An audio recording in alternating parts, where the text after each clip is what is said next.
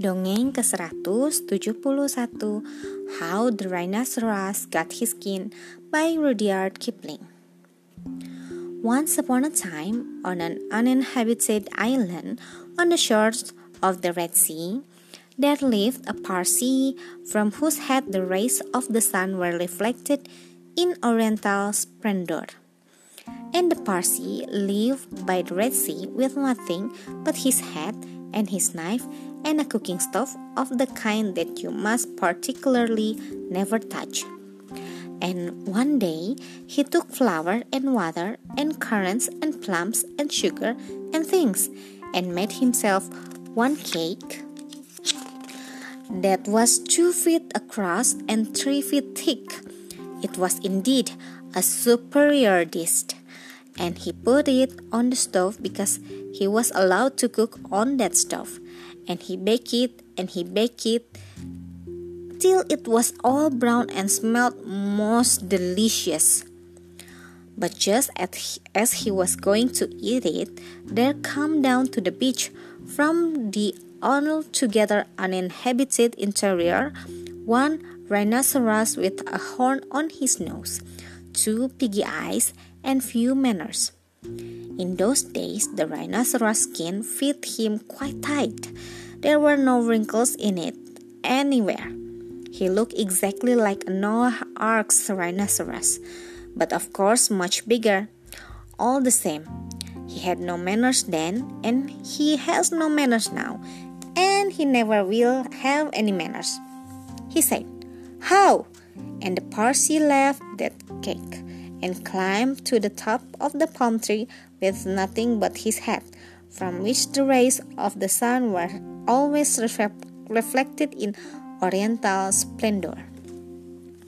And the rhinoceros upset the oil stove with his nose, and the cake rolled on the sand, and he spiked that cake on the horn of his nose, and he ate it.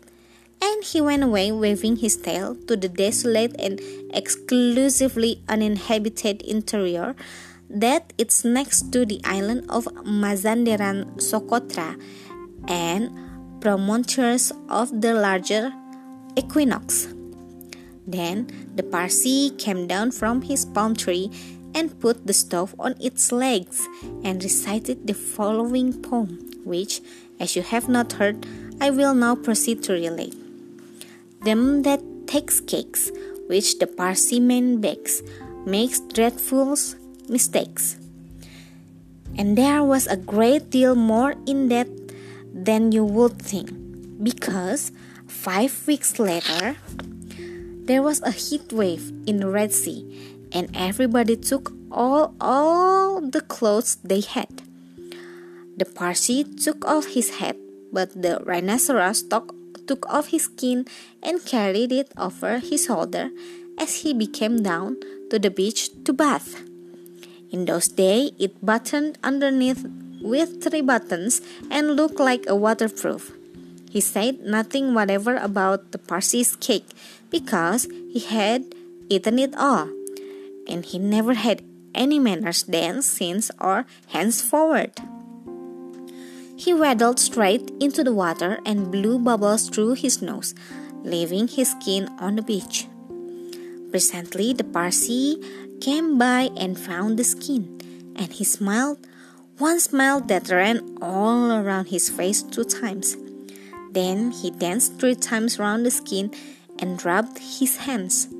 Then he went to his camp and filled his head with cake crumbs, for the Parsee never ate anything but cake and never swept out his camp.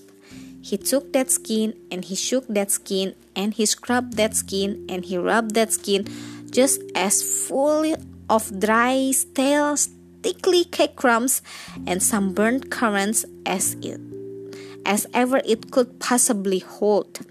Then he climbed to the top of his palm tree and waited for the rhinoceros to come out of the water and put it on. And the rhinoceros did. He buttoned it up with the three buttons and it tickled like cake crumbles in bed. Then he wanted to scratch, but that made it worse. And then he lay down to the sands and rolled and rolled and rolled, and every time he rolled, the cake crumbs tickled him worse and worse and worse.